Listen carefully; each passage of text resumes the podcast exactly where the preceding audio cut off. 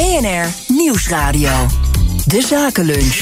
Tijd om belangrijk zakelijk nieuws van dit moment te bespreken met Stan de Brilleman, Stan Westerterp van uh, Bond Capital Partners. Ook voor een blik op de beurs. Fijn dat je er bent, Stan. Goedemiddag. En uh, Reinier Kastelein, voorzitter van vakbond de Unie. Fijn dat jij er bent. Dankjewel. Stan, Ja, um, waar wil jij beginnen? nou laten we even over die ECB eh, doorgaan natuurlijk. Eh, kijk, ik ben, eh, Kees en ik verschillen, eh, verschillen wel eens van mening, maar in dit geval niet. Ehm, en ik zat ook even op weg hier naartoe dat te denken, hoe ga ik dat nou precies verwoorden? Maar het voelt een beetje alsof ik een feestje geef thuis. En ik zorg ervoor dat er alleen maar sterke drank is. Uh, dus iedereen begint lekker te drinken, gaat aan de alcohol. En aan het einde van de avond begin ik te klagen dat iedereen toch wel erg dronken is geworden. Dat is eigenlijk een beetje wat, wat de ECB uh, doet op dit moment. Ze hebben er inderdaad zelf voor gezorgd dat dat rente en dat monetaire beleid zo enorm uh, soepel is geweest. Waardoor er allerlei uitwassen ontstaan in de financiële sector. En vervolgens ga je klagen van ja, er, er is wel erg veel risico in het systeem. Dat doen ze toch uh, voor jullie, voor de financiële markten, voor de financiële sector zelf? Nou ja, en daar heeft Kees ook een punt. Kijk, het is natuurlijk het, het, het verschil tussen de zuidelijke landen en de noordelijke landen, laten we het zo maar even noemen, is natuurlijk levensgroot geworden. Waarbij de zuidelijke landen duidelijk hebben gewonnen de afgelopen jaren. Is namelijk gewoon verruimen. Als je in de problemen komt, moet je zorgen dat je verruimt. Want als je dat niet doet, dan heb je misschien een financiële crisis 2.0 te pakken. En ja, daarin zijn we gewoon met z'n allen een beetje doorgeschoten. Dat mag wel duidelijk zijn. Stan, ik ben om meerdere redenen blij dat je er bent. Want uh, via jou kunnen we dan toch nog een portiebol.com de ja. uitzending inkrijgen. Heerlijk.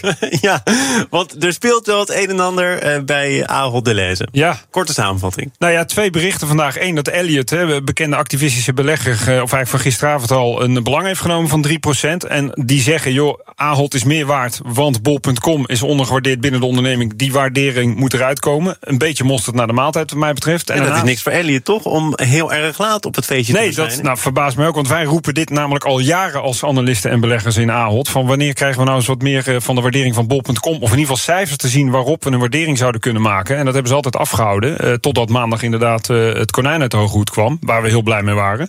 Uh, dus die zijn er rijkelijk laat. En het tweede nieuws was natuurlijk dat, dat, dat Ahold ook gedwongen wordt, eventueel via de AFM, om meer bekend te maken over de plastic afvang die ze wel of niet doen. En wat doet dat op de beurs? Nou, eigenlijk het, het aandeel staat een licht hoger. Oh. Uh, het nieuws is natuurlijk al geweest. Je zag gisteren toen dat nieuws van Elliot bekend werd... dat het even omhoog ging en daarna zakte het weer weg. Ja, want vaak wordt er dan gezegd dat zo'n activistische aandeelhouder ervoor zorgt... dat een bedrijf wat scherper aan de wind kan gaan, gaan zeilen, kan gaan ja. varen... dat het uh, strategisch uh, slim kan zijn als er ja. Iemand ja.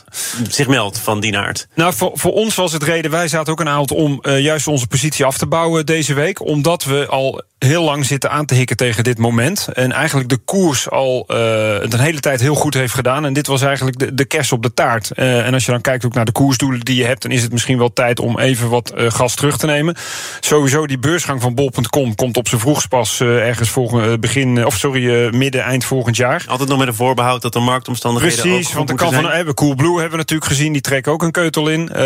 je weet nooit... de lenzen dat net zo makkelijk doen, denk je? Ja, bij een beursgang altijd. Als ja. de window of opportunity niet is, dan zeg je net zo makkelijk... ja, de marktomstandigheden zijn niet gunstig genoeg... dus er komt geen beursgang. Nee, ik zie jou knikken. Jij moet het ook nog maar zien, begrijp ik? Nou ja, weet je, um, uh, ik denk dat er ook een hele hoop omstandigheden... zo volatiel zijn dat je ook gewoon uh, um, uh, het momentum heel snel gemist hebt. En je hebt het gezien bij Coolblue, hoe dat, hoe dat in één keer loopt... door ook wat persoonlijke omstandigheden in de organisatie. En dan mis je daarna de hele boot. Het is, het is zo onvoorspelbaar. Ik, ja, ik ben je, moet, je kunt wel zeggen dat je dat één keer kunt doen... in het geval van Coolblue twee keer kunt doen... maar Stan, het is toch niet zo reëel om te denken... dat er dan op relatief korte termijn een derde poging volgt? Of? Nee, ik denk dat zij nu eerst gaan afwachten hoe bol.com eventueel door de, door de markt behapt gaat worden. Want inderdaad, een derde keer naar een beursgang afblazen heb ik in de recente historie nog niet meegemaakt. Renier, we gaan het uh, zo meteen wat uitgebreider hebben over hoe jij als voorzitter van de Unie uh, kunt opereren in die coronacrisis en de standpunten die je kunt uitdragen. Maar wat je nu al ziet, is dat er heel veel ondernemers kampen met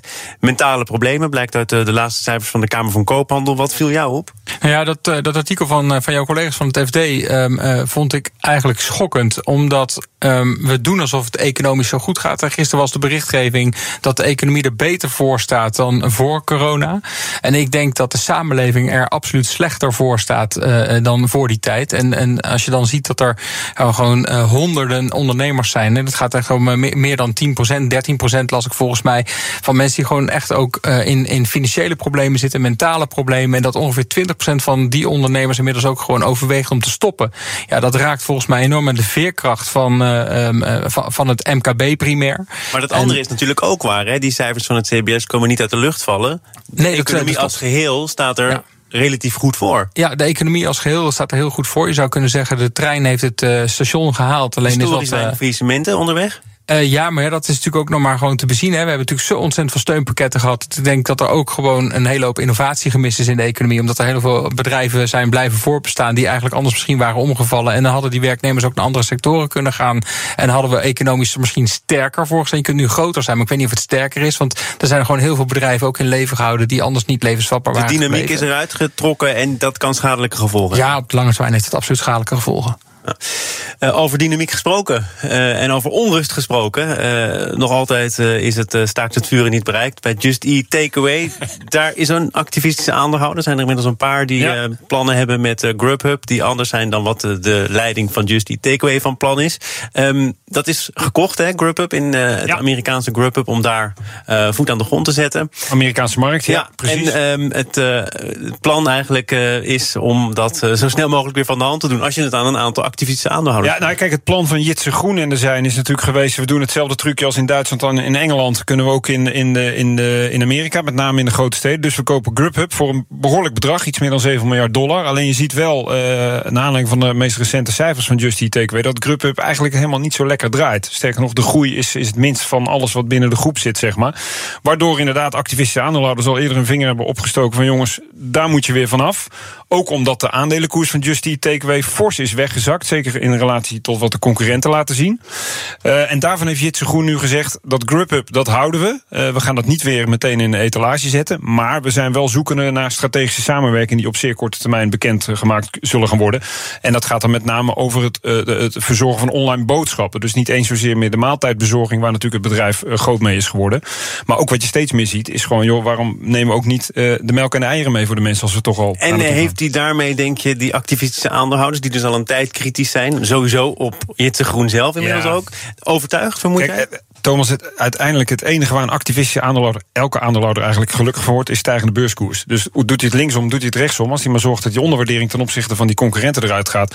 Ik denk dat het ook wat vroeg is om Grubhub al meteen weer bij het grof veld te zetten. Ook omdat je waarschijnlijk er veel minder voor krijgt dan dat je ervoor betaald hebt. Dus laat hem eerst maar eens kijken uh, hoe, die dat, hoe ver hij dat uh, schopt. En wat dat betreft heeft Jitse Groen in ieder geval in Europa wel een, wel een goede scorecard. Stan, heb jij nog een vraag voor Reinier? Ja, eigenlijk een hele korte vraag. Heel simpel gesteld, waarvan ik verwacht dat het antwoord veel langer en moeilijker zal zijn. Oh, oké. Uh, we hebben het natuurlijk heel erg over inflatie de laatste tijd. En mijn vraag is eigenlijk: hoe gaan de vakbonden ervoor zorgen dat we niet in een negatieve loonprijsspiraal terecht gaan komen? Ja, ik vind die, uh, uh, die, die vraag heel legitiem op dit moment. Omdat je eigenlijk ziet dat, dat een aantal grote vooraanstaande economen eigenlijk zeggen: die inflatie is tijdelijk. Hè. Dat is gewoon omdat je het prijsspel van nu vergelijkt met de lage prijzen van vorig jaar tijdens de crisis.